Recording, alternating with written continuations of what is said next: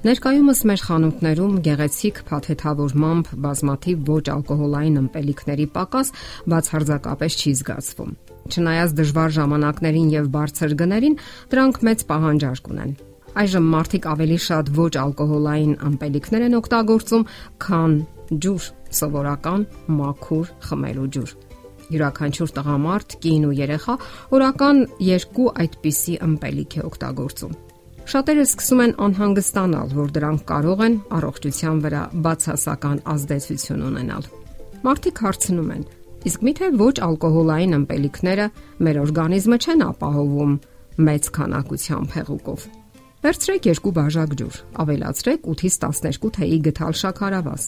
Դրան խառնեք քիմիական նյութերի մի բաժին եւ ոչ ալկոհոլային ըմպելիքը պատրաստ է։ Ոչ ալկոհոլային ըմպելիքների մեջ պարունակվող լրացուցիչ շաքարի մուտքը մեր օրգանիզմ առաջացնում է առնվազն 4 անցանկալի կողմնակի երևույթ։ Առաջինը անկանոն սնունդն է։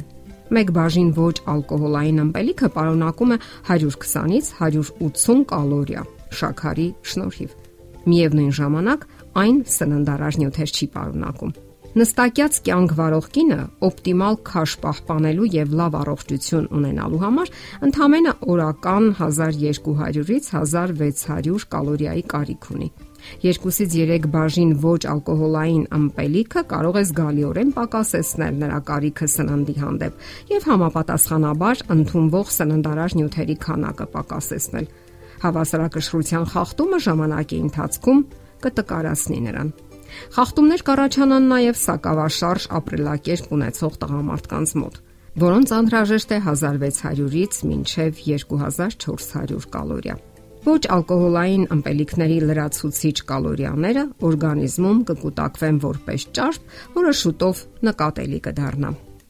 Երկրորդ, արյան մեջ կլինեն նաև շաքարի մակարդակի տատանումներ։ Քանի որ շաքարի կալորիաները զուրկ են բջջանքից, դրանք արագ են անցնում արյան մեջ եւ նպաստում են էներգիայի ժամանակավոր ներհոսքին։ Օրգանիզմը ինսուլինի մի մեծ բաժին է ուղարկում արյան մեջ շաքարի պարունակությունը նորմալ մակարդակի իջեցնելու համար, որը նույնպես մեծ էներգիա է խլում։ Դեպքերի այսպիսի հաջորդականությունը մարդուն ստիպում է առողջությունը պահպանելու համար կրկին ու կրկին ձեռքը մեկնել ոչ ալկոհոլային ըմպելիքի կամ որևէ քաղցրավենիքի։ Ոչ ալկոհոլային խմիչքների օգտագործման հաջորդ հետևանքը մարսողության խանգարումն է երբ շաքար պարունակող ըմպելիքը անցնում է մարսողական աշխատանք կատարող ստամոքսի մեջ, մարսողությունը դանդաղում է կամ բոլորովին դադարում է այնքան ժամանակ, մինչև նոր ավելացած կալորիաները յուրացվեն։ Սա կարելի է համեմատել մի այսպիսի պատմության հետ։ Աղջիկը ձեռքով հարում է կարակը։ Գործը մոտենում էր ավարտին, երբ ներս է մտնում նրա մայրը եւ ելի կաթ է լցնում ամանի մեջ։ Նա ստիպված է ամեն ինչ նորից սկսել։ Կարակն արդեն համարյա պատրաստ էր, երբ այս անգամ ներս է մտնում նրա հայրը եւ ավելացնում 1 գավաթ կաթ։ Աղջիկը դժվարությամբ կրկին գործի է անցնում։ Երրորդ անգամ կարակը գրեթե պատրաստ էր, երբ ներս է մտնում նրա եղբայրը եւ էլի է կաթ ավելացնում։ Այս անգամ ուժասպառ եղած աղջիկը այլևս չի կարողանում հարել կարակը կամ էլ չի ցանկանում։ Եթե դուք հազվադեպ եք խմում ոչ ալկոհոլային ըմպելիքներ, ապա դա մեծ ազդեցություն չի ունենա, բայց եթե դա կրկնվում է օրական մի քանի անգամ, ապա մարսողությունը դանդաղում է, իսկ ստամոքսը ծանրաբեռնվում։ Հետազոտությունները համոզիչ կերպով ցույց են տվել, որ քաղցր ըմպելիքներ օգտագործող երեխաների ատամները համեմատած չօգտագործողների հետ ավելի շուտ են փչանում։ Նույնը վերաբերում է նաև մրգահյութերին։ Ելնելով սրանից կարելի ասել, Ավելի լավ է այսպես կոչված թեթև նախաճաշելու նպատակով քաղցր ըմպելիքներ ու հյութեր չխմել։ Եթե դուք սիրում եք այդպիսի ըմպելիքներ, ապա օգտագործեք հերթական անգամ սնվելու ժամանակ։ Իսկ ինչ կարելի ասել այսպես կոչված դիետիկ ոչ ալկոհոլային ըմպելիքների մասին։ Ներկայումս կարելի է հանդիպել շաքար չպարունակող ըմպելիքների։ Դրանք օգնում են խուսափելու շաքարի հետ կապված խնդիրներից, բայց ունեն իրենց թերությունները։ Գույնի, բուրմունքի, քաղցր համի եւ երկար պահպանման համար օգտագործվում են հավելումներ, եւ դրանք կարող են գրգռող ազդեցություն ունենալ ստամոքսի ներքին մակերեսի վրա։ Որոշ հավելումներ քիմիական միացություններ են, որոնք պետք է վնասազերծվեն եւ հեռացվեն օրգանիզմի կողմից ներմուծված ոչ ալկոհոլային ըմպելիքներից շատերը, այդ թվում նաև այսպես կոչված դիետիկները, հյութերը, Coca-Cola-ն պարունակում են ֆոսֆորական թթու ապակու վրա փորագրումներ կատարելու համար օգտագործվող ուժեղ քիմիական միացություն։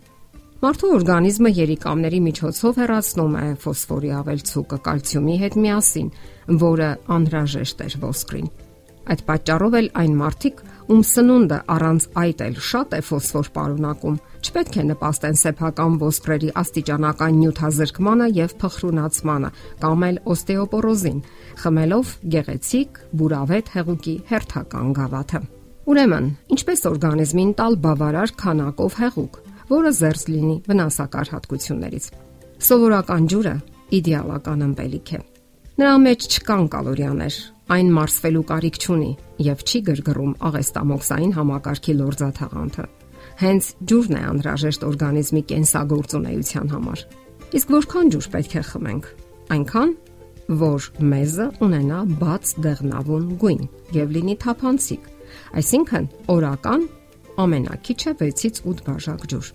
Խմեք մաքուր ջուր եւ առողջ եղեք։ Եթերում է առողջ ապրելակերպ հաղորդաշարը։ Ձեզ հետ է Գեղեցիկ Մարտիրոսյանը։ Հարցերի եւ առաջարկությունների համար զանգահարել 033 87 87 87 հեռախոսահամարով։